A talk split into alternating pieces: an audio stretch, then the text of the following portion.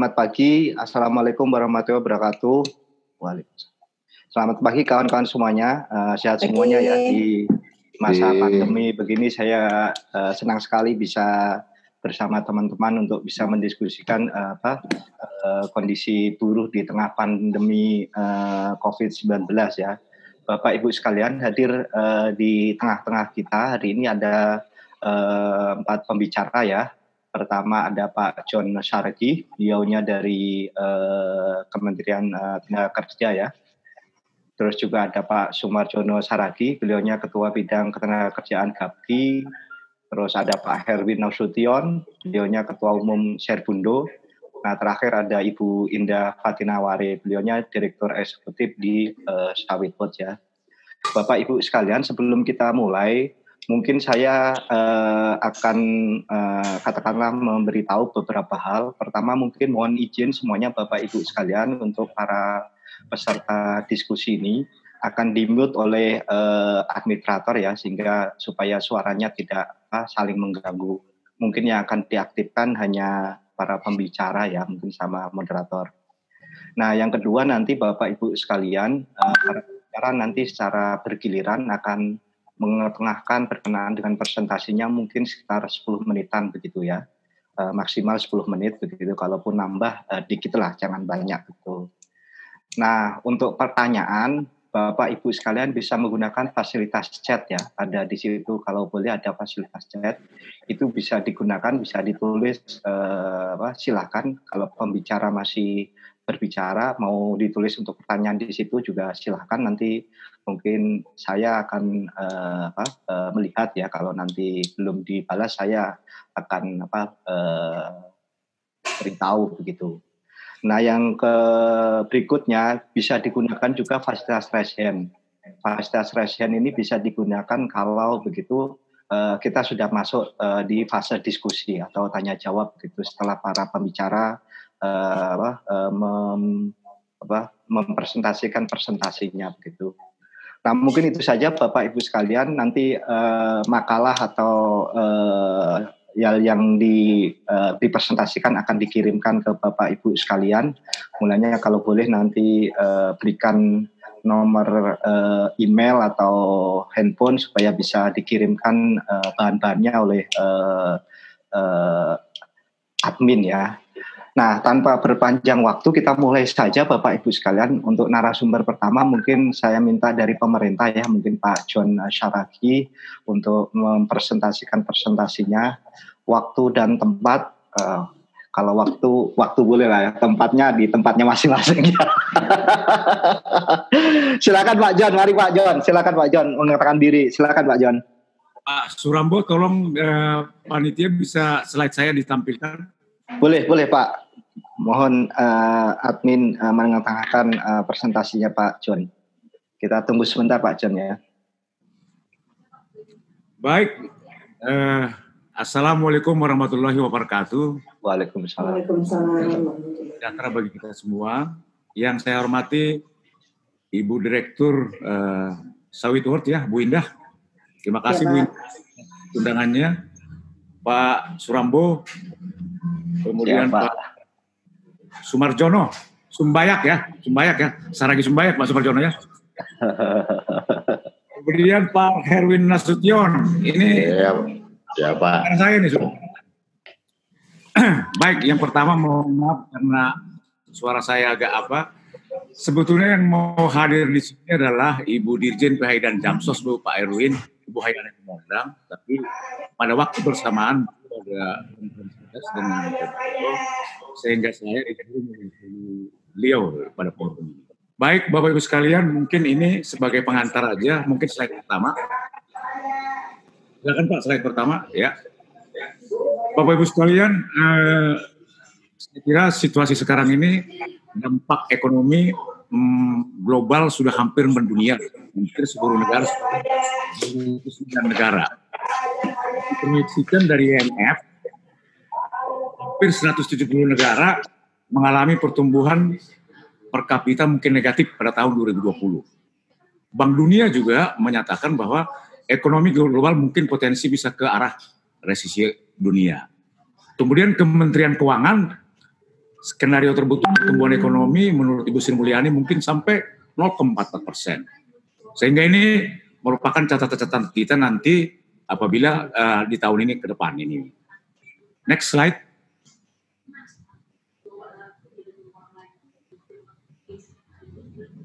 Iya.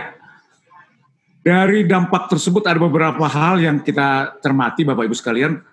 Potensi penambahan angka pencari kerja atau pengangguran tidak terserap dalam uh, pekerjaan pada tahun 2019-2020 ini tidak terserap juga nanti dalam uh, situasi PSBB sekarang ini. Itu yang pertama. Kemudian melemahnya dunia usaha hampir di semua sektor dapat mengarah kepada terjadinya PHK mungkin secara massal.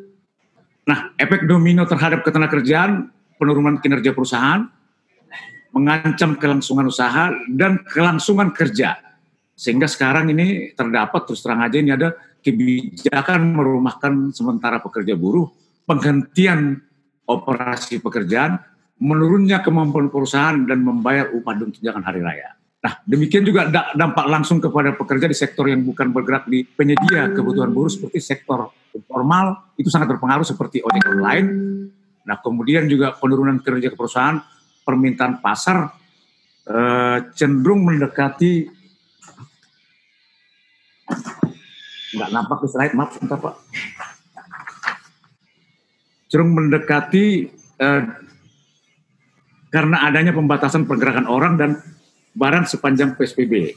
Kemudian keterbatasan kemampuan untuk bertahan di sektor industri padat karya karena tersendatnya mata rantai distribusi bahan baku dan hasil produksi padat karya akibat kebijakan PSBB ini. Nah, kemudian next slide. Nah, sektor mana yang paling terdampak di sini? Dari catatan kami, Bapak Ibu sekalian, kami mengumpulkan data itu hampir di seluruh provinsi Indonesia itu. Nah, ternyata sektor usaha mikro, kecil, dan menengah itu terdampak. Kemudian pariwisata termasuk turunannya serta perhotelan.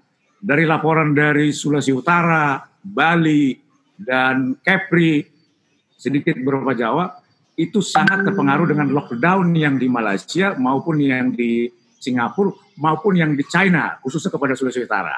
Nah ini sangat berpengaruh, sangat berpengaruh sekali. Kemudian di sektor manufaktur yang mengurangi produksi akibat kekurangan bahan baku, terhambat ekspor akibat kebijakan lockdown di beberapa negara. Ini hasil pengamatan kami di Jawa Barat maupun Jawa Tengah. Jadi industri tekstil di sana itu sangat berpengaruh. Itunya. Nah, Kemudian yang bertahan ini kalau ini sektornya saya lihat ini kesehatan, makanan, teknologi informasi, retail. Retail ini juga masih bisa kita apain nanti. Kemudian produksi kesehatan pribadi, listrik, gas, air bersih, pengangkutan, pertanian, termasuk perkebunan. Saya kira ini masih bagus banget ya. Peternakan maupun kehutanan maupun perikanan. Inilah yang terdampak dari beberapa uh, konflik ini. Lanjut next. Next, Pak. Kalau saya sampaikan di sini data ketenagakerjaan sebelum konflik. Belum, Pak, belum, belum, belum. Sebelum ini, Pak. Sebelum, sebelum. Ya. Itu tingkat pengangguran itu hampir 6,88 juta. Belum lagi angkatan kerja yang di depannya lagi ada sekitar 2 juta. Sehingga bisa hampir 9 juta belum ditambah lagi dengan angka PHK. Ini ini sebelum COVID 19. Oke, sekarang bagaimana next setelah 19 coba? Nah, permasalahan ketenagakerjaan akibat konflik 19 ini dari data Bapak Ibu sekalian yang kita rekap dari laporan Kadisnaker di seluruh Indonesia dan beberapa serikat pekerja, beberapa asosiasi pengusaha pekerja formal yang dirumahkan itu hampir satu juta. Satu juta tiga puluh enam ribu empat ratus lima puluh tiga. Pekerja formal yang ter-PHK, jadi kita pisahkan yang formal yang ter-PHK itu sekitar 377.454. Ini data yang dilaporkan ya, data yang dilaporkan. Jadi ada juga PHK mungkin nggak dilaporkan, tapi yang dilaporkan oleh Kadis seluruh Indonesia. Kemudian pekerja informal yang terdampak ini seperti ada ada tani, ada Gojek, ada usaha mandiri, nah, informal informal ini sekitar 317.000, 133.000. Nah, yang paling terdampak ini provinsinya adalah DKI Jakarta sekitar 318.000, kemudian Jawa Barat 294.000, Jawa Tengah sekitar 229.000, Riau 146.000, Jawa Timur 139.000. Ini data yang kita rekap dari uh, seluruh Indonesia. Lanjut.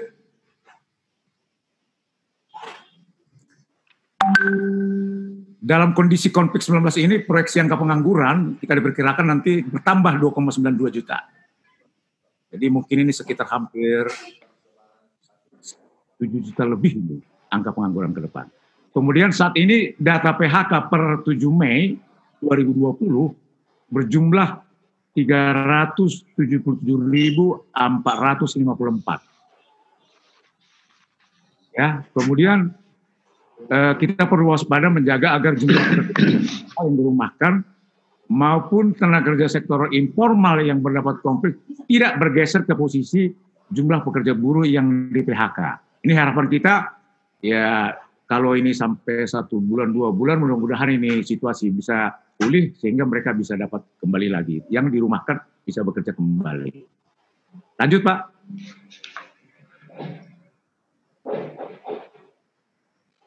Saya kira lanjut terus nih, nanti ini mungkin ini ya lanjut, lanjut.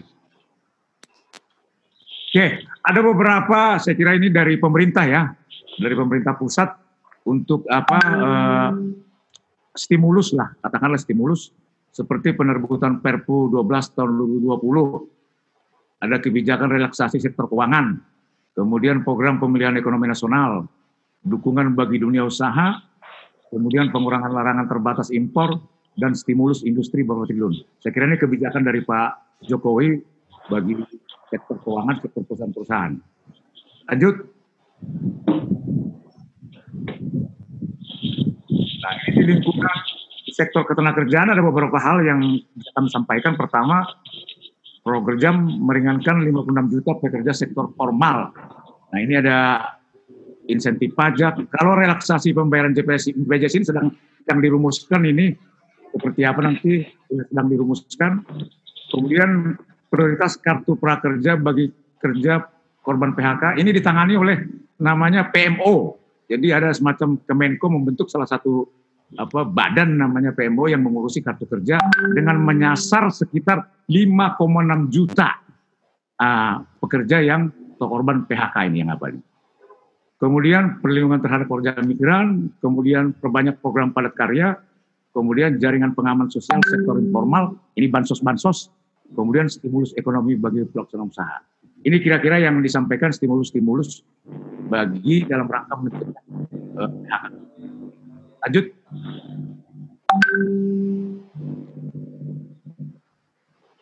Ya, saya pikir ini coba next next berikutnya ini sawit ini. Ya, langsung langsung ke ini ke berikutnya berikutnya. Ya. Bapak Ibu sekalian, uh, di pasal 102 Undang-Undang 13 ada beberapa uh, peran pemerintah satu menetapkan kebijakan, memberikan pelayanan, memberikan pengawasan dan mungkin melakukan penegakan hukum uh, uh, perundang-undangan yang berlaku. Nah, dalam situasi konflik seperti ini ada dua surat edaran yang disampaikan oleh Ibu Menteri. Yang pertama menyangkut dengan uh, surat edaran 03 tahun 2020 dengan surat yang pertama Surat Edaran Nomor 3 Tahun 2020 tentang perlindungan pekerja buruh kelangsungan usaha dalam rangka pencegahan penanggulan COVID-19. Surat edaran ini sudah disampaikan kepada seluruh gubernur, seluruh gubernur, kemudian gubernur menyampaikan kepada bupati maupun kabupaten, kemudian kepada perusahaan. Yang intinya ada dua hal dari surat edaran tersebut. Pertama, pertama adalah untuk setiap perusahaan di Indonesia melakukan pencegahan dan penanganan dan supaya jangan terjadi COVID-19 di lingkungan perusahaan. Seperti membuat satu protokol-protokol kesehatan. Saya kira ini yang paling yang paling kita dorong saya pikir ini bagaimana pelaksanaan ini eh, apa perlindungan pekerja supaya protokol kesehatan di seluruh perusahaan yang ada bekerja itu dilaksanakan. Nah, kemudian yang kedua ada perlindungan pengupahan bagi pekerja buruh terkait pandemi COVID-19. Jadi bagi pekerja buruh yang dikategorikan orang dalam pemantauan berdasarkan keterangan dokter sehingga tidak dapat masuk paling lama 14 hari sesuai standar maka upahnya dibayar penuh. Jadi kalau orang yang apa yang kena isolasi segala macam itu dapat. Kemudian bagi pekerja buruh dikategorikan suspek 19 dan dikarantina menurut keterangan dokter maka upahnya dibayar upahnya dibayar secara penuh. Oke, lanjut.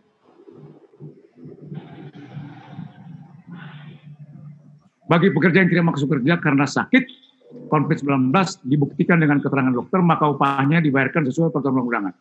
Katakan dia sakit sampai satu tahun. Nah, ini berlaku sesuai dengan uh, peraturan perundangan yang berlaku selama selama satu tahun upahnya dibayarkan. Tapi ada bervariasi itunya sesuai dengan pasal 196 atau 80 berapa itu lupa saya.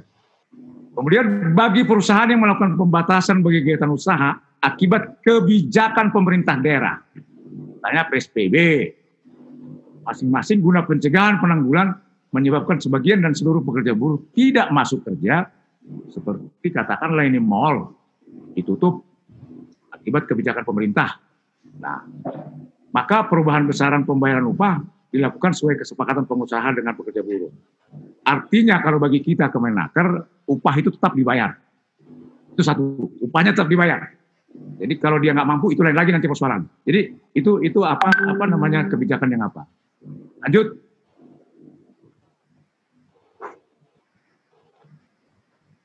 Yang kedua adalah soal eh, THR.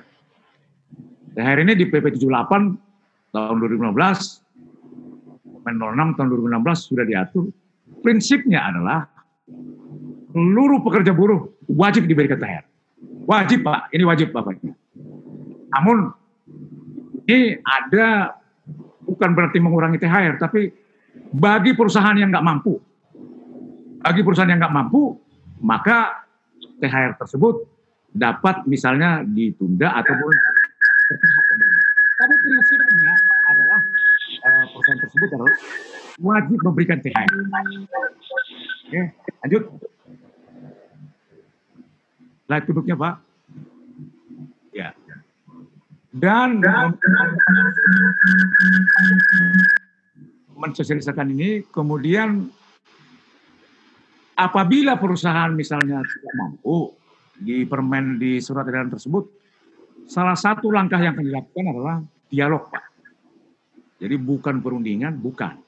Tetapi dialog antara pengusaha dengan wakil pekerja dengan serikat pekerja dilandasi dengan laporan daripada perusahaan bahwa perusahaan ini nggak mampu. Memang kalau proses akuntan publik bisa dua tahun pak kalau ini. Tapi karyawan ini juga tahulah apa perusahaan ini mampu apa enggak. Nah jadi saya pikir ini yang apa konsep hubungan industrial yang kekeluargaan, transparan, itikat baik dan mencapai kesepakatan. Saya pikir ini sasarannya. Jadi bukan pengurangan THR, tetapi ya kalau sepanjang itu perusahaan mampu bayar THR, saya kira langsung aja nggak ada masalah. Ini bagi yang uh, apa yang uh, yang nggak mampu apanya. Kemudian kalau ada kesepakatan antara kekeluargaan tadi itu, maka itu dilaporkan kepada disnaker setempat. Jadi itu dilaporkan kepada disnaker setempat. Oke, lanjut.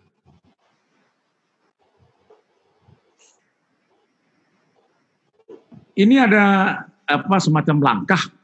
Kalau ini saya tawarkan kepada perusahaan memang eh, jangan mem-PHK, jangan merumahkan dulu, tetapi ada surat edaran kita kok, itu nomor 907 tahun berapa itu. Jadi langkah yang dilakukan oleh eh, beberapa perusahaan ini adalah sebetulnya ada beberapa perusahaan di Jakarta ini mengurangi gaji tingkat direksi, mengurangi fasilitas tingkat direksi ataupun tingkat manajemen. Jadi mengurangi upah fasilitas tingkat atas, tingkat manajer, tingkat direktur. Itu kurangi. Kemudian mengatur apa? Sip kerja mungkin. Jadi jangan supaya apa e, berapa sip supaya jangan ada social distancingnya juga supaya bisa ini. Kemudian ya mungkin mengurangi kerja lembur.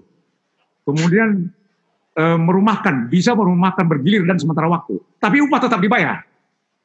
Nah, saya pikir ini langkah-langkah eh, yang akan bisa kita lakukan dalam rangka hmm, supaya mencegah jangan terjadi PHK, kalau bisa jangan dirumahkan, tetapi di lingkungan perusahaan itu ada kebijakan uh, berembuk dengan pekerja buruh maupun wakil pekerja mengenai kondisi-kondisi seperti ini.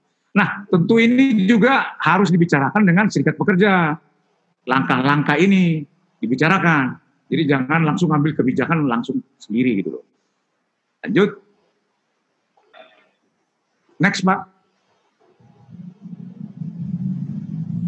Ya, jadi saya simpulkan Bapak Ibu sekalian, eh, bagi Bapak Ibu sekalian, maupun perusahaan maupun serikat pekerja, yang pertama saya pikir yang paling kunci pastikan di perusahaan tersebut protokol kesehatan berjalan dengan baik.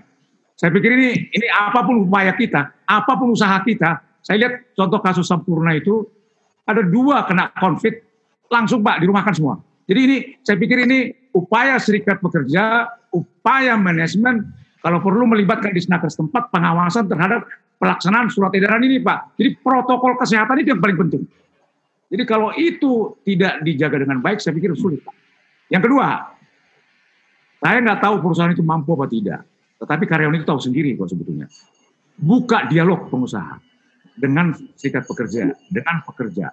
Saya kira ini suasananya adalah satu pun nggak ada serikat pekerja juga nggak menginginkan situasi ini. Pengusaha juga nggak menginginkan situasi ini. Ini ini situasinya nggak normal. Situasinya nggak normal. Tapi saya kira di sinilah hubungan industrial Pancasila yang apa saling gotong royong, saling menghargai. Kita tunjukkan di sini untuk menyelesaikan persoalan perusahaan bukan hanya persoalan pekerja, bukan persoalan kerja, tetapi ini membuka satu apa? Satu apa? Satu solusi, satu terobosan. Bagaimana kita bisa melalui badai ini?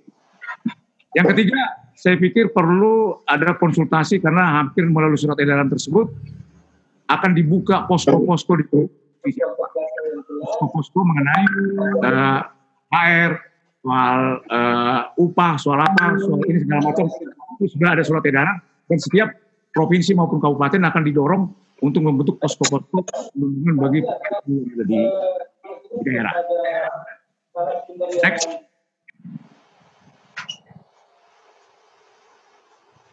Barangkali Bapak Ibu sekalian itu mengantar diskusi kita. Jadi ada beberapa hal yang saya sampaikan tadi menyangkut soal data, menyangkut soal uh, eh, PSBB, menyangkut soal kebijakan yang diambil oleh Kementerian Ketenagakerjaan, tetapi kebijakan itu tetap undang-undang tetap di nomor satu kan Pak. Saya kira itu yang menjadi pokok kita. Itu saya kira pengantar kebijakan, pengantar di kita uh, pagi ini. Sekian, terima kasih. Wassalamualaikum warahmatullahi wabarakatuh. Waalaikumsalam. Terima kasih uh, Pak John uh, Saragi, uh, Bapak Ibu sekalian uh, dari presentasi Pak John tadi ada beberapa ternyata perkebunan masih jalan dan termasuk yang apa tidak terlalu terganggu katanya Pak John. Nanti kita bisa eksplorasi lebih lanjut ya. Nah, berikutnya mungkin kita ke Pak Sumaryono Saragi. Silahkan Pak Sumaryono Saragi uh, dari GAPKI untuk presentasinya uh, 10 menit Pak ya. Halo Pak Sumaryono. Oke, terima kasih Bang Rambo. Uh, Bapak Ibu sekalian, terima kasih pada khususnya Sawit Watch yang sudah menyiapkan acara ini dan mengundang kami dari GAPKI. Mungkin ada materi saya, Eko bisa share? Uh, panitia yang share Pak, udah di. Oh, Oke, okay, panitia yang share. Uh, kami mengapresiasi inisiatif ini dan tentunya sebagai wujud nyata kita berkontribusi, berpartisipasi atas situasi yang kita hadapi bersama.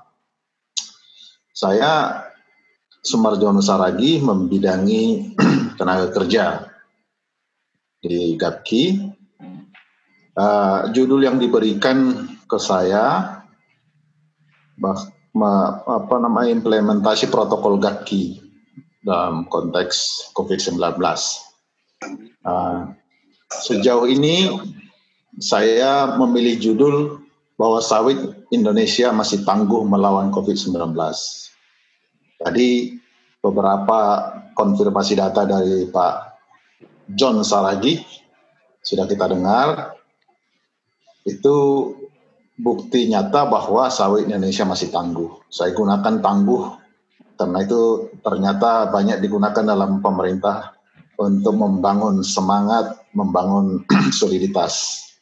Dan judul kita hari ini adalah tandan sawit. Jadi tandahan sawit tangguh. Kalau selama ini kita mencari tandan sawit yang segar, yang berat, yang bernilai jual tinggi, sekarang kita butuh tandan sawit yang tangguh. Lanjut. Oke, siapa sih Gapki itu? Sekali lagi Gapki ini bukan uh, siapa-siapa, hanya kumpulan perusahaan yang mau berkumpul dengan tujuan menjadi forum bersama.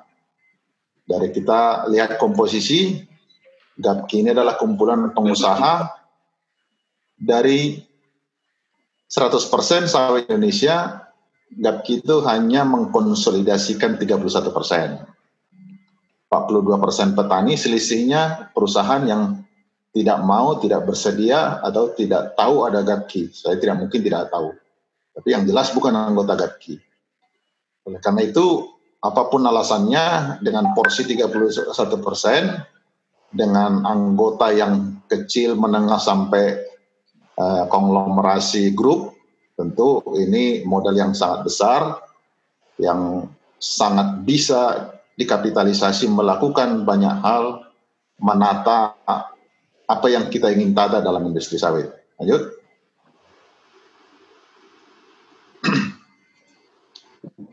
sawit Indonesia atau tandan sawit tangguh dari sisi kontribusi ekonomi walaupun kita dihadang oleh Covid yang sedemikian mencemaskan masih berkontribusi ekspor sampai bulan Maret 5,3 miliar.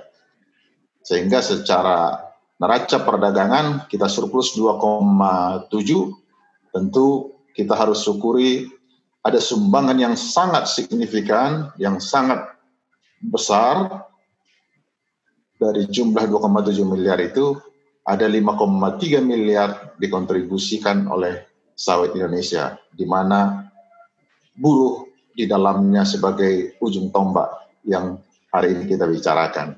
Lanjut. Ketangguhan lain dibuktikan sekali lagi ada hubungan bipartit yang sangat tangguh. Tentu itu bukan datang dalam satu malam, itu buah dari komunikasi, dialog, debat, apa pun caranya yang kita bangun beberapa tahun terakhir. Hubungan bipartit yang sudah sedemikian berproses akhirnya bisa menghasilkan berbagai macam yang dibutuhkan sekarang. Salah satunya adalah protokol COVID-19. Tadi Pak John Saragi menyebutkan dunia usaha membuat protokol. Kita begitu COVID-19 uh, menjadi wabah, kita juga berpikir keras apa yang harus dilakukan. Inisiatif kita lakukan membuat protokol, menerjemahkan protokol pemerintah yang mungkin cukup universal, kita coba spesifikkan ke industri sawit. Karena industri sawit tentu punya karakteristik khusus, kita terjemahkan menjadi protokol GATKI dan kita sudah sebarkan ke semua anggota GATKI termasuk kepada non GATKI yang tentu kita harapkan juga mau menjalankannya. Karena kita tidak punya alat kontrol untuk memastikan mereka mau menjalankan apa yang dihasilkan oleh GATKI. Kemudian protokol ini juga kita sampaikan ke mitra kita Serikat Buruh. Bapak Ibu yang tergabung di Serikat Buruh tentunya paham bagaimana dialog dengan Serikat Buruh yang sangat dinamis kita sampaikan dan itu disambut dengan baik dan itu dijadikan protokol di internal Serikat Buruh. Artinya itu telah menjadi protokol bersama bipartit antara buruh dan uh, perusahaan kelapa sawit. Yang kita lakukan juga menghimbau tidak mudik. Nah, itu hal-hal yang kita tuliskan di dalam protokol itu. Apa saja di dalamnya? Pertama, kita diuntungkan situasi sawit itu yang memang cara kerjanya mayoritas berjarak. Mungkin ada beberapa hal yang mengharuskan berinteraksi fisik lebih dekat, itu kita batasin. Apel pagi, mobilitas dari rumah ke lapangan, mungkin naik kendaraan yang diantar dan seterusnya, aktivitas di kantor, protokol pintu masuk, dikontrol, suhu badan, tempat cuci tangan, dan hal-hal teknis lain yang sesuai dengan protokol dari pemerintah kita terjemahkan dan kita lakukan di lapangan. Sedikit lebih mudah karena lalu lintas orang itu masuknya dapat dikontrol karena sangat terbatas dan selama ini sudah ada uh, proses dan sistem lalu lintas orang diawasi. Jadi sedikit lebih mudah dan terbukti sampai hari ini lanjut ketangguhan itu dapat kita lihat. Tidak ada PHK, dan kita berdoa jangan sampai terjadi. Nah, ini tugas kita bersama. Tentu bagaimana caranya? Tentu peran kita dari pemerintah, dari serikat buruh, dari pengusaha, dari masyarakat, dari rantai pasok itu tentu sangat menentukan. Lanjut ketangguhan lain apa? Ternyata sawit juga menjadi sumber vitamin yang bisa meningkatkan daya tahan tubuh kita. Profesor dari UGM sudah menyampaikan itu memaparkan minggu, beberapa minggu lalu. Di samping itu bahan baku atau bahan aktif dari uh, disinfektan, sabun yang menjadi salah satu alat untuk uh, menghindari COVID-19 bersumber dari sawit. Jadi ketangguhan sawit bertambah lagi ketika COVID-19 terjadi. Lanjut. Ketangguhan apa lagi? Tidak ada penularan. Tadi Pak John Saragi menyebutkan ada satu perusahaan, nama disebutkan Sampurna. Hari ini, sampai hari ini kita bicara tidak ada penularan. Dan oleh karena itu tidak ada alasan baik pemerintah atau siapa pun untuk menutup, mengurangi, membuat apa namanya uh, hambatan-hambatan terhadap industri ini. Karena dengan protokol yang kita buat, yang kita kerjakan bersama dengan serikat buruh, terbukti sampai hari ini tidak ada pusaran penularan. Artinya bisnis berjalan normal, walau tentu gangguan hambatan sudah mulai terasa karena ada pembatasan di beberapa kota terdekat, di pelabuhan, transportasi di jalan, ya itu tentu bagian dari proses kita menghadapi COVID ini. Tapi secara keseluruhan berjalan normal. Lanjut.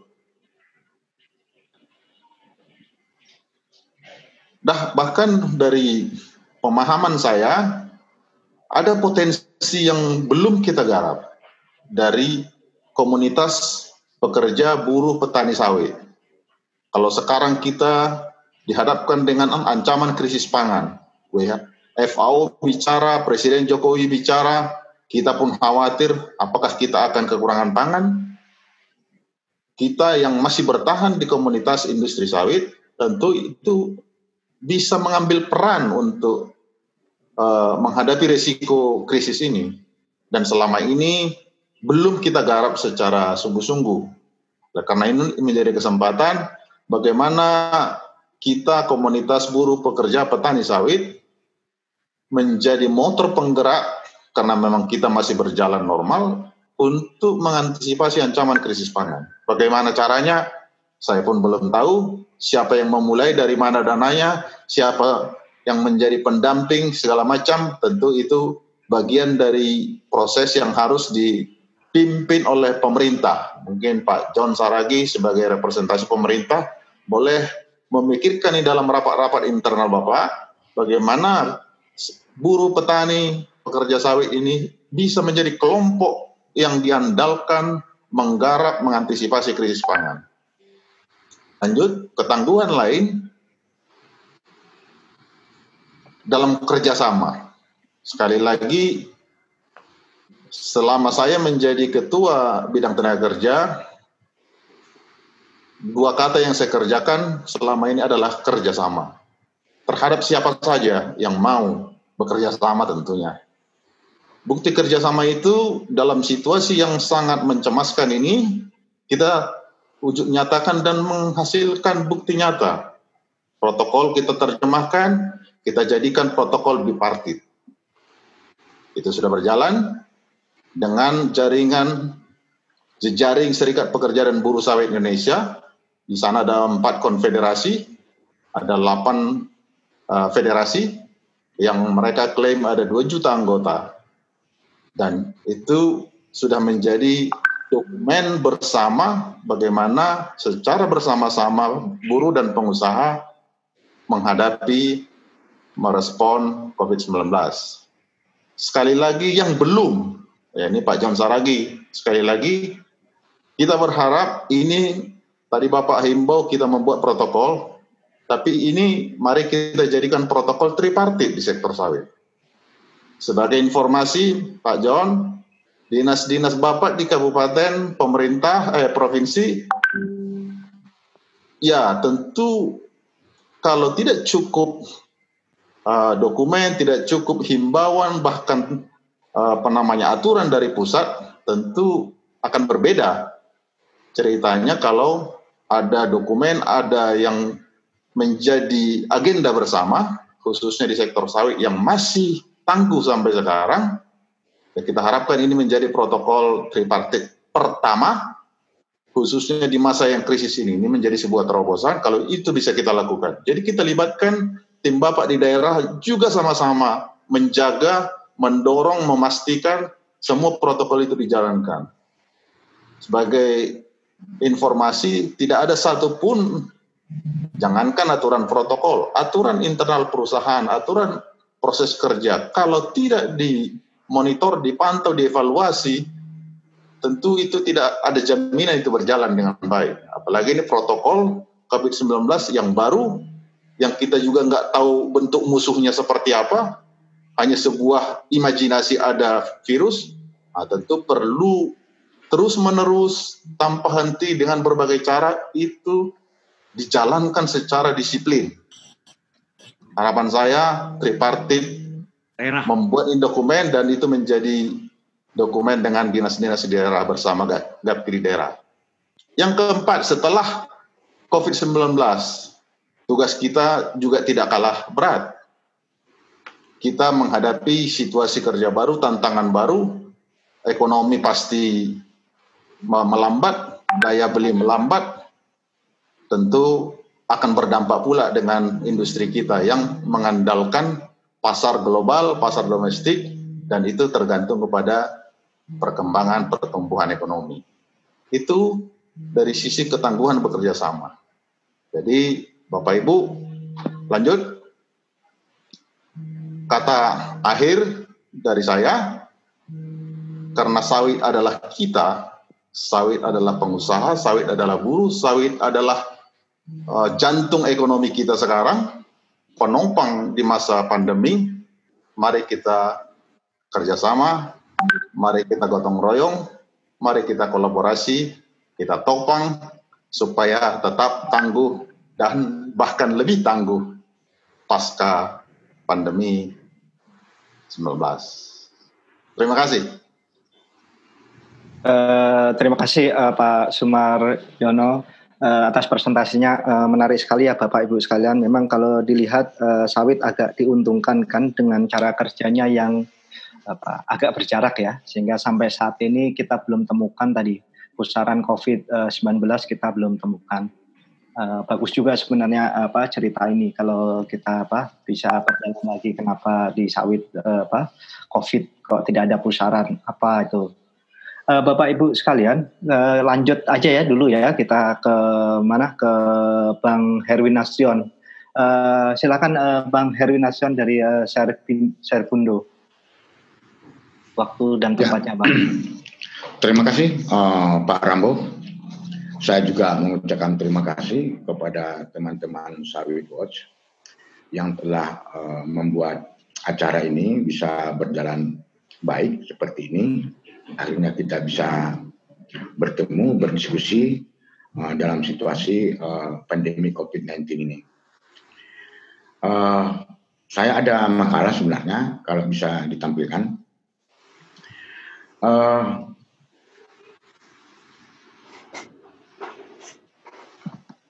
saya sepakat juga dengan Pak uh, Sumarjono Saragi dari KAPKI bahwa industri perkebunan sawit dalam situasi COVID-19 ini uh, masih tetap uh, berjalan uh, sampai sekarang. Bahkan uh, sampai 5,3 apa tadi ini ekspor 5,3 miliar ya ekspor dari industri perkebunan sawit bahkan surplus uh, menjadikan ini bagian dari penopang uh, perekonomian kita. Uh, boleh saya katakan bahwa industri sawit ini termasuk buruh perkebunan sawit adalah pahlawan COVID-19 juga. Juga sebelumnya adalah pahlawan divisa karena industri perkebunan sawit memberikan divisa yang paling terbesar di uh, Indonesia Uh, memang benar uh, sebanyak 16,2 juta ini buruh perkebunan sawit sesuai dengan data Bappenas tahun 2018 uh, masih tetap bekerja di perkebunan sawit. Walaupun data ini berbeda-beda, uh, Sawit Watch juga Segundo uh, ada lebih tinggi data jumlah buruh perkebunan sawit yang bekerja di Indonesia. Tetapi saya mengatakan bahwa masih banyak sebenarnya guru yang tidak dilengkapi dengan alat pelindung diri APD yang memadai untuk pencegahan COVID-19. Uh, eh, walaupun tadi uh, ada protokol uh, dari KAPKI, saya sepakat itu itu sangat uh, positif bahwa uh, protokol yang dibuat oleh KAPKI itu bisa disampaikan kepada semua uh, perusahaan perkebunan sawit dan kepada serikat buruh. Uh, tetapi uh, fakta di lapangan uh, tidak semua uh, perusahaan uh, memberikan APD tersebut. Uh, juga ada banyak alasan dari pihak manajemen kenapa tidak memberikan uh, APD uh, karena harganya cukup mahal. Uh, cukup mahal, uh, akhirnya uh, sebagian besar itu tidak memberikan.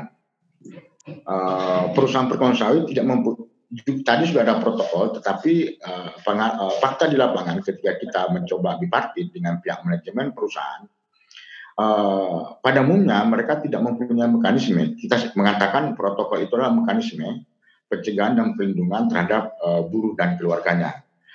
Uh, sebagian besar uh, pihak perusahaan tidak mempunyai itu. Uh, kemudian Uh, Serbundo itu ada di tujuh provinsi, 74 uh, pengurus basis. Uh, kita membuat posko-posko di wilayah-wilayah ini di 21 DPC Dewan Pimpinan Cabang tiap kabupaten. Kalau tadi dikatakan bahwa uh, buruh tidak ada di PHK, anggota kita sudah mengalami PHK dalam situasi COVID-19 itu sebanyak 657 buruh. Itu masih anggota Serbundo, belum lagi anggota serikat buruh yang lain. Tapi saya sepakat bahwa sampai sekarang informasi mengenai buruh perkebunan sawit yang uh, terpapar eh, COVID-19 uh, eh, itu memang sampai sekarang tidak ada dari hasil pemantauan kita. Uh, lanjut, uh, lanjut ke nomor dua, ya. Uh, kondisi kerja buruh perkebunan sawit di tengah-tengah wabah COVID-19. Uh, saya tidak bisa pungkiri uh, bahwa ada perusahaan yang uh, mempunyai mekanisme dan sistem dalam melakukan pencegahan terhadap penyebaran COVID-19 di uh, perkebunan kelapa sawit. Di sini memang saya sebutkan namanya, itu adalah uh, Wilmar Group yang di Sumatera Utara dan Sumatera Barat. Uh, karena kita memang ada anggota kita di sana uh, dan kita melakukan dialog bipartit dengan pihak manajemen yang akhirnya uh, kita mempunyai uh, mekanisme bagaimana uh, melakukan pencegahan. Jadi kalau di Wilmar, Sumatera Utara dan Sumatera Barat, di wilayah lain saya tidak tahu, uh, itu memang dilengkapi dengan APD, uh, kemudian menyiapkan tempat cuci tangan, itu setiap setiap divisi, uh, juga uh, ada pengukuran suhu kalau melakukan bekerja uh, dan juga ketika melakukan apa juga pinjar print itu uh, ada mekanismenya uh, dan uh, ada semacam uh, pelarangan juga itu bebas uh, supaya jangan bebas keluar masuk uh, perusahaan kecuali ada hal-hal yang sangat urgen atau yang penting dan itu uh, bisa kita saling berkoordinasi. Saya pikir uh, ini uh, pola pertama yang terjadi di kondisi kerja buruh perkebunan kelapa sawit. Lanjut.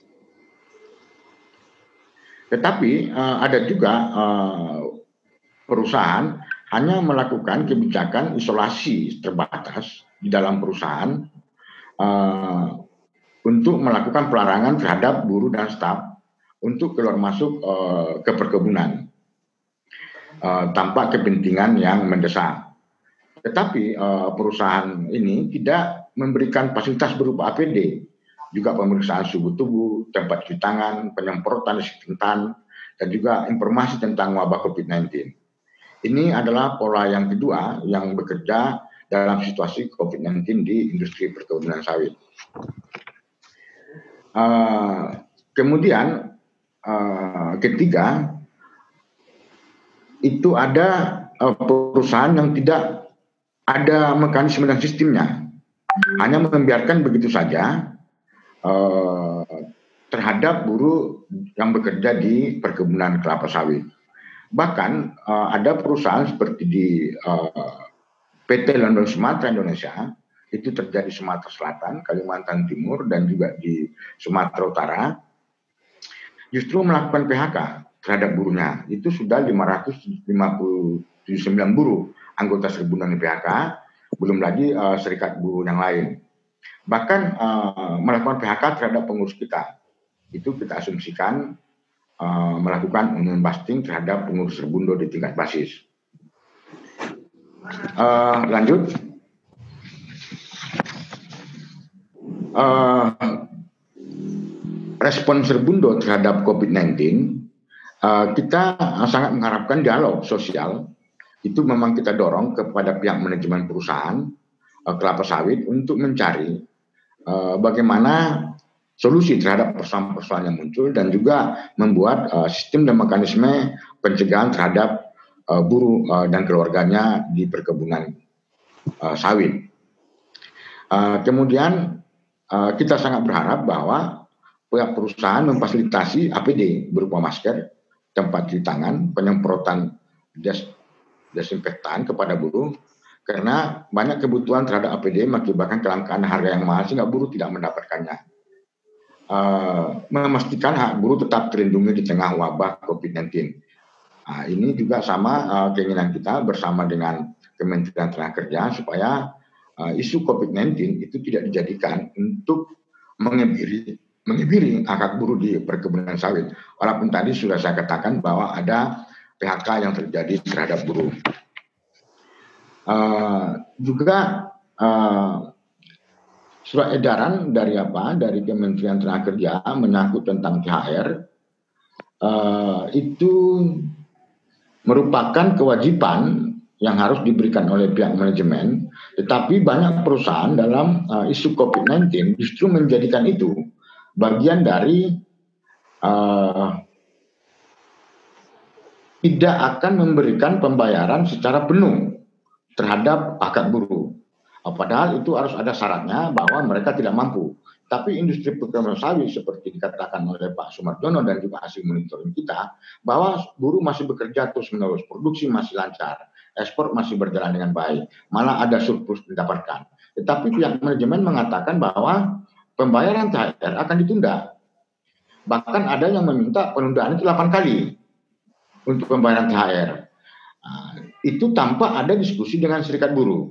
Nah, tiba-tiba mereka melakukan pengumuman akan menunda pembayaran THR. Nah, kebetulan juga tadi uh, saya melihat ada dari Wilmar yang hadir. Di Wilmar sendiri juga sebelumnya itu THR diberikan penuh dan itu ada bantuan beras dan juga ada bantuan daging. Nah, tiba-tiba kita uh, dipanggil Serbundo melakukan dialog mengatakan bahwa mereka tidak akan lagi memberikan daging dan juga memberikan beras gitu. Padahal kita tahu dalam situasi COVID-19 ini membutuhkan kekebalan tubuh, membutuhkan kesehatan.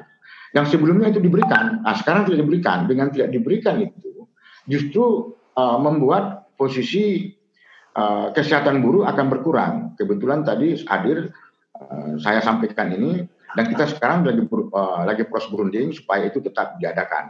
Itu terjadi di Sumatera Utara dan juga di uh, Sumatera Barat.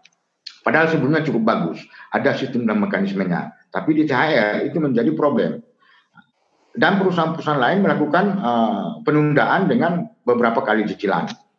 Bahkan ini perlu uh, saya sampaikan kepada Pak John uh, bahwa kenaikan upah yang sebelumnya itu kan ada kenaikan upah tahun 2019.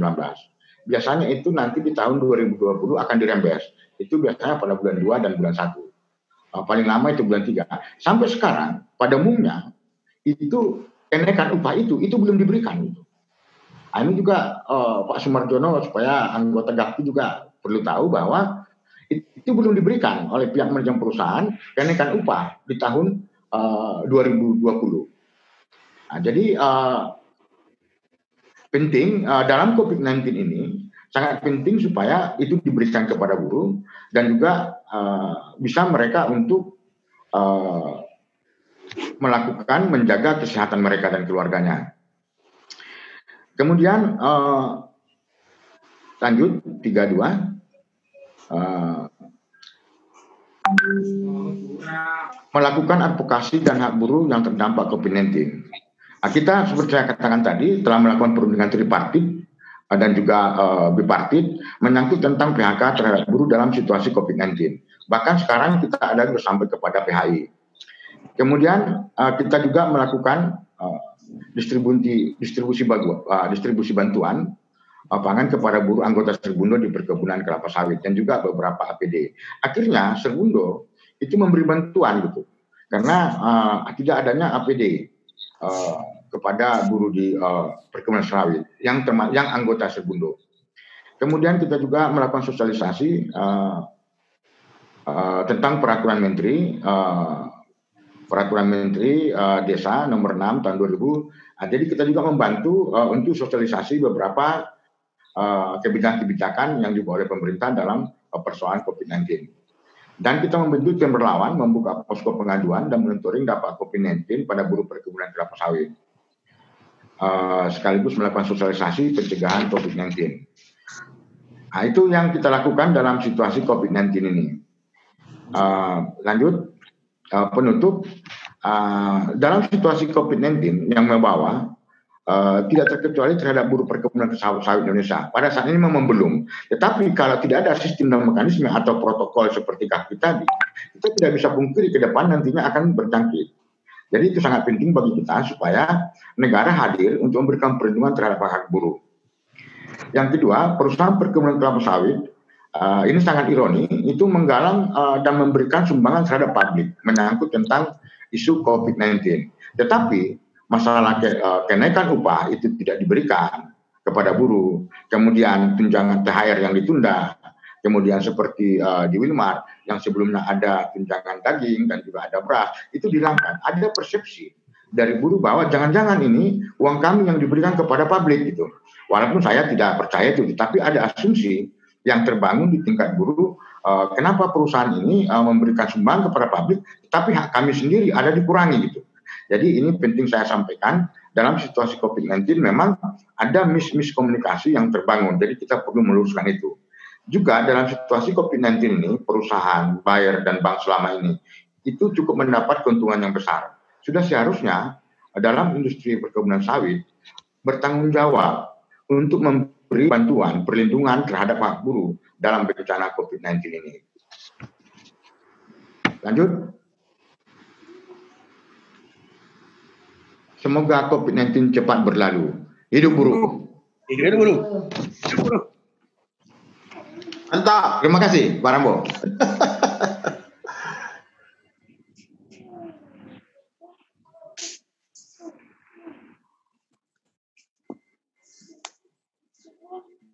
Terima kasih uh, Bang Mas Don. Tadi yang kita tunggu tuh sebenarnya hidup buruhnya tadi itu. Dari tadi ini belum ternyata keluar juga di akhir. Bapak Ibu uh, sekalian, uh, ada beberapa pertanyaan yang muncul tadi. Kalau boleh ini ada dari uh, Bang Eko nih bicara soal APD-nya apa sih uh, yang tidak disediakan? Mungkin nanti Bang Mas Don bisa respon nanti setelah tanya jawab ya. Di Longsum katanya itu ada jatah uh, sepatu dikurangi itu juga ini Uh, itu ada cerita juga dari Kalbar uh, soal TKA tenaga kerja yang ada di luar ya migran ya itu diminta pulang oleh Pemda setempat. Nah, Bapak Ibu sekalian nanti bisa juga menggunakan fasilitas uh, selain chat ini juga bisa menggunakan fasilitas raise Mungkin Bapak Ibu sekalian bisa uh, klik di partisipan nanti ada muncul di pojok itu uh, apa uh, bisa digunakan ya. Uh, kalau nanti setelah tanya jawab nanti saya bisa lihat siapa yang mau merespon atau bertanya. Nah mungkin itu narasumber yang terakhir uh, Ibu Indah Fatinaware. Uh, silakan Bu Indah. Untung ini nggak ada marganya. Kalau ada marganya semua Medan ini nanti jadi. silakan uh, Bu Indah. Selamat pagi, Assalamualaikum warahmatullahi wabarakatuh. Uh, terima kasih pada partisipan yang sudah bergabung dan tentu saja um, juga terima kasih kepada Pak John Saragi dari Kementerian Tenaga Kerja, Bapak Sumarjono dari ini Saragi juga dari Gapki dan uh, Bapak Herwin Ashiten uh, sebagai Ketua uh, Serbudo. Uh, jadi uh, ini sebenarnya sesi kedua ya kita bicara tentang buruh, uh, Sawitwas bicara tentang buruh. Nah kalau uh, hari ini kita fokus pada uh, bagaimana kondisi buruh dalam kondisi pandemi COVID-19 ini.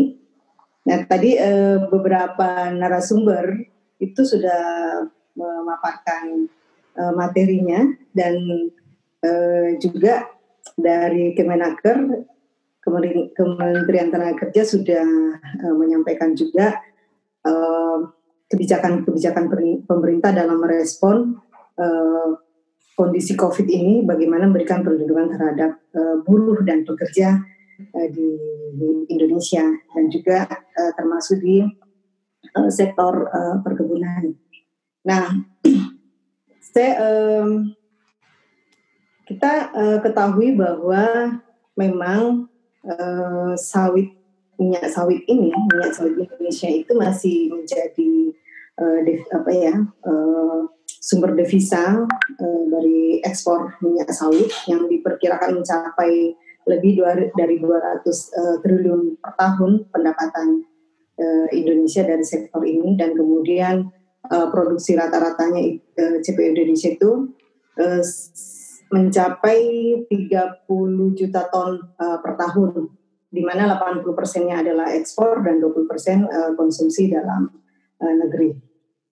Nah, sejumlah kelompok bisnis di sini sekitar 30 grup bisnis uh, raksasa atau korporasi yang mengelola uh, jutaan hektar perkebunan yang uh, diperkirakan uh, total kekayaannya mencapai hampir atau mendekati seribu triliun uh, apa, kekayaan yang diperoleh dari industri perkebunan sawit ini.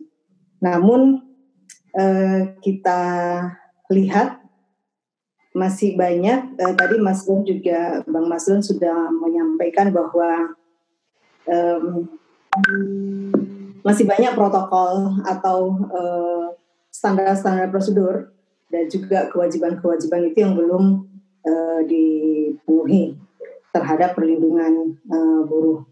Nah, kalau kita melihat di uh, perusahaan perkebunan sawit, ini kan ada hubungan uh, kerja ya, ada hubungan kerja langsung dan juga ada hubungan kerja uh, tidak langsung.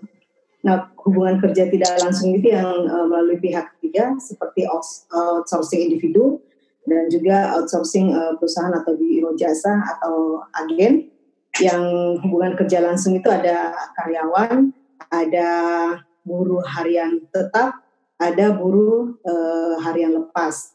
Nah, uh, di antara buruh harian tetap dan buruh harian lepas ini uh, sebenarnya masih ada yang kita sering sebut itu uh, buruh hantu atau ghost yang tidak ter, ter apa namanya tidak ter, dia bekerja membantu bekerja di dalam perkebunan dalam ini tapi uh, tidak mendapatkan upah langsung dari uh, perusahaan itu sendiri. Karena kerja kerjanya itu memang uh, dia membantu buruh uh, tetap ataupun buruh harian lepas. Ini menjadi sebenarnya yang di samping memang uh, buruh uh, tetap maupun BHN ini sudah menjadi ada persoalan besar yang dihadapi dan juga ada tantangan uh, besar terhadap uh, perlindungan dan uh, uh, pemenuhan hak-hak uh, mereka Nah, eh, paling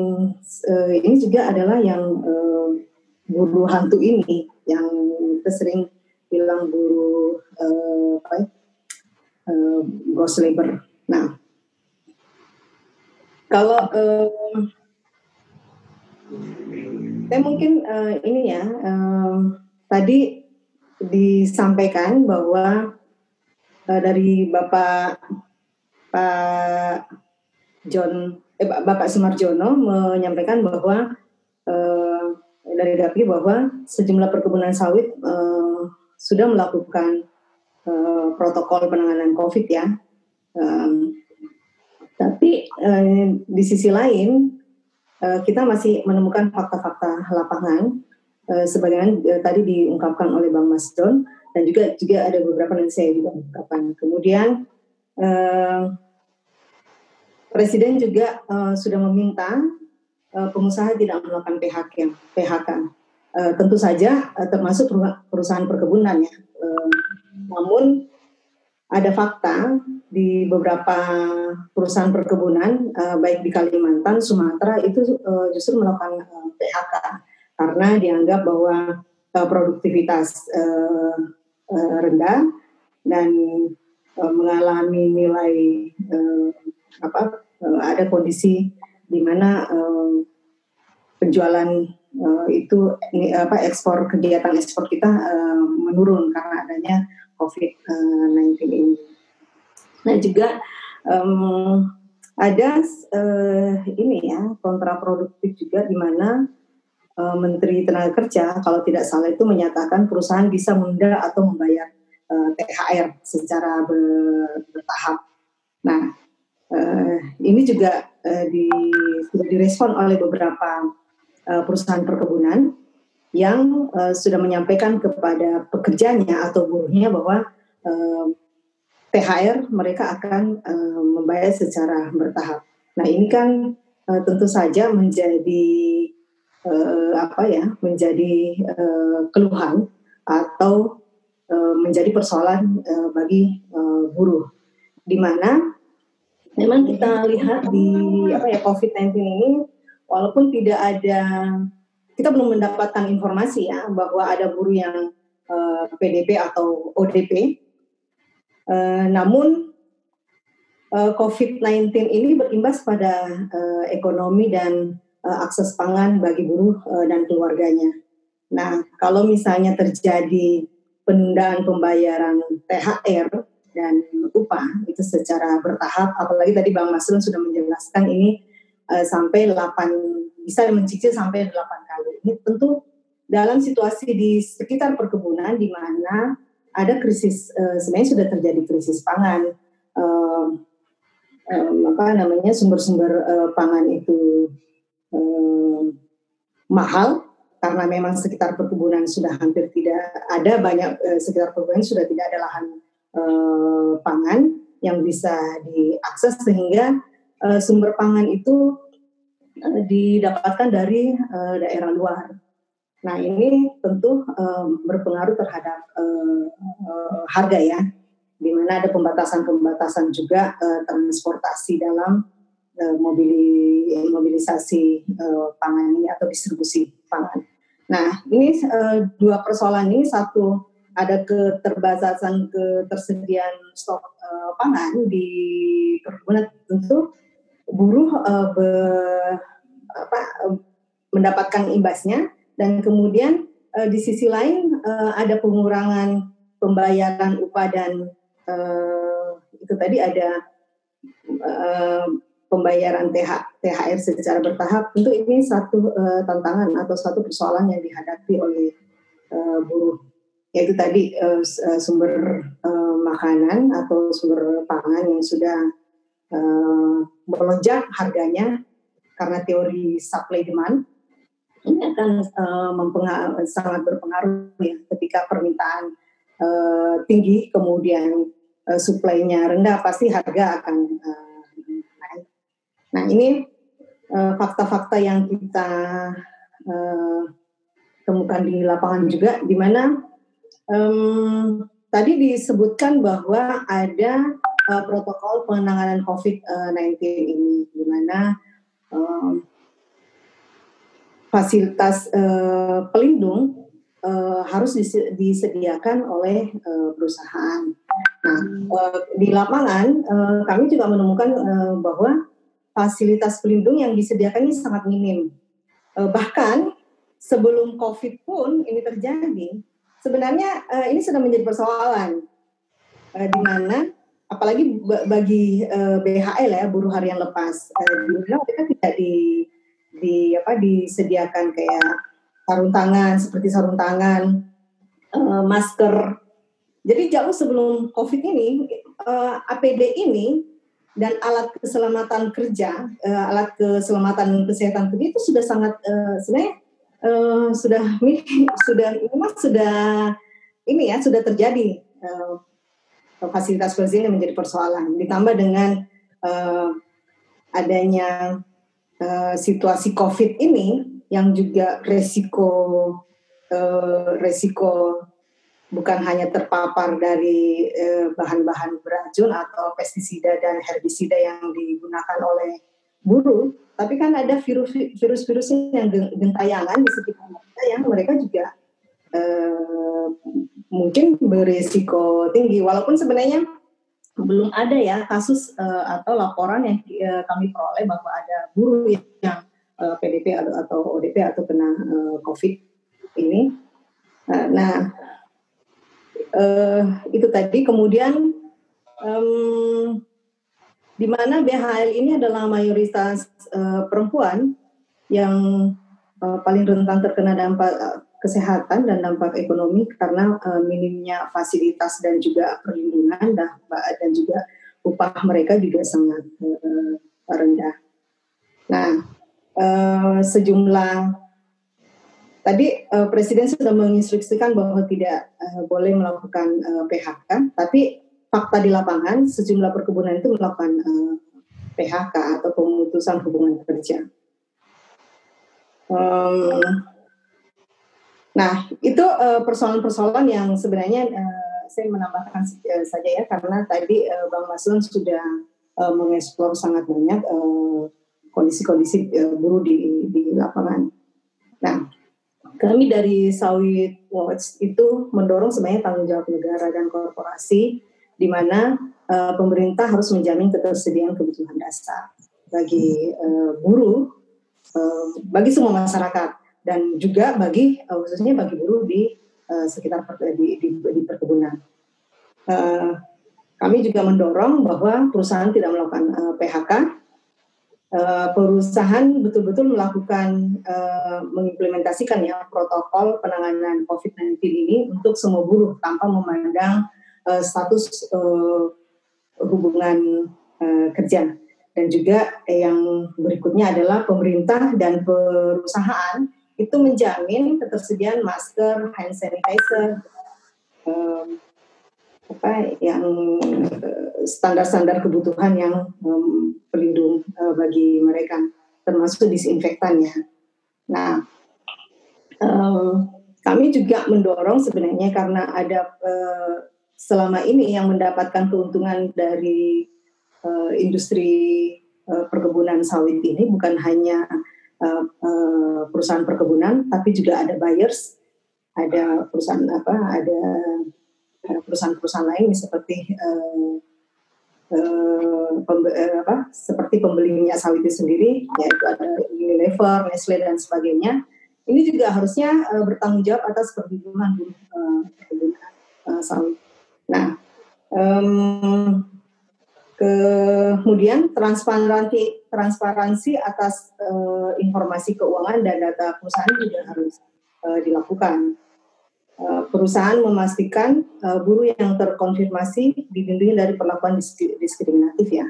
Dan uh, pentingnya ada nah Nah ini juga sebenarnya harus uh, ke depan uh, di jam sosmed ini itu bu, mungkin tidak hanya bicara tentang uh, bagaimana uh, apa uh, pasca uh, buruh uh, atau uh, setelah mereka tidak bekerja lagi yang dijamin dalam uh, jam sosmed ini ya, yaitu uh, bagaimana sih uh, masih gini? Saya bilang bahwa di jam sosmed ini harusnya mengcover juga uh, perlindungan buruh dalam kondisi uh, luar biasa atau kondisi force major yang seperti uh, halnya dalam uh, kasus COVID-19 ini. Nah mungkin ke depan ada situasi-situasi situasi, situasi darurat uh, lainnya, misalnya uh, di sekitar perkebunan terjadi bencana alam, bencana apa namanya, juga menghambat uh, apa kerja-kerja uh, buruh sendiri dan juga menghambat ekonomi uh, buruh itu. Nah ini yang yang kita bilang tadi, yang saya bilang tadi uh, kondisi force major ini, nah mestinya itu juga sudah dipikirkan bagaimana dalam kondisi force major ini itu masuk dalam uh, masuk dalam apa ya uh, perlindungan ke depannya asuransi ataupun jam sostek itu. Nah itu mungkin uh, yang um, usulan dari uh, Sawit Watch. Terima kasih uh, moderator, saya kembalikan. Uh, terima kasih uh, Kak Indah, uh, Ibu Indah untuk uh, presentasinya, Bapak Ibu uh, sekalian. Uh, ada beberapa hal sebenarnya yang saya catat tadi. Uh, hal yang baru itu soal bagaimana tanggung jawab dari buyer dan bank ya berkenaan dengan COVID ini. Jadi itu juga menurut saya sesuatu hal yang mungkin bisa kita diskusikan. Bapak Ibu sekalian, kalau kita lihat di chat itu beberapa hal uh, ada tertulis ya. Pertama itu soal APD kalau saya lihat. Uh, tadi dibilang uh, APD harus disediakan, tapi ternyata fakta di lapang banyak juga yang uh, tidak tersedia dengan baik gitu. Itu, itu bagaimana mungkin nanti bisa direspon ya oleh para narasumber begitu. Uh, begitu juga soal THR begitu ternyata ada THR yang dicicil begitu. Uh, itu bagaimana itu juga kita temukan uh, ada di chat ya ada di beberapa ditemukan di beberapa tempat ya. Ada di Kaltim ada di Bengkulu bahkan ada di Riau begitu ya. Nah terakhir itu soal PHK begitu. Itu juga uh, ternyata ditemukan PHK begitu. Walaupun tadi Pak Sumaryoto bilang uh, beberapa anggota GAPKI didorong agar jangan melakukan PHK ternyata uh, apa uh, ada loh PHK tadi juga data dari Sherbundo juga bilang uh, begitu uh, berkenan itu. Nah itu mungkin yang ada di chat yang saya bisa baca secara ringkas ya. Mungkin Uh, saya minta mungkin Pak uh, John sama Pak Sumaryonto dan narasumber yang lain uh, mohon untuk direspon dulu sebelum saya membuka untuk uh, raise hand ya. Bapak Ibu sekalian nanti setelah ini Bapak Ibu sekalian bisa menggunakan fasilitas chat, uh, fasilitas partisipan di situ ada tulisan raise hand. Silakan Bapak Ibu klik di sana nanti saya akan berikan kesempatan untuk memberikan uh, respon atau memberikan pertanyaan. Mohon diperkenalkan dulu ya uh, itu uh, uh, diri ditujukan ke siapa. Uh, untuk yang pertama mungkin saya minta Pak John untuk merespon ya beberapa tadi soal APD, soal THR, PHK, bahkan ada juga perundingan tripartit ditunda tuh Pak katanya Pak di ini karena COVID-19. Silakan Pak John. Baik, eh,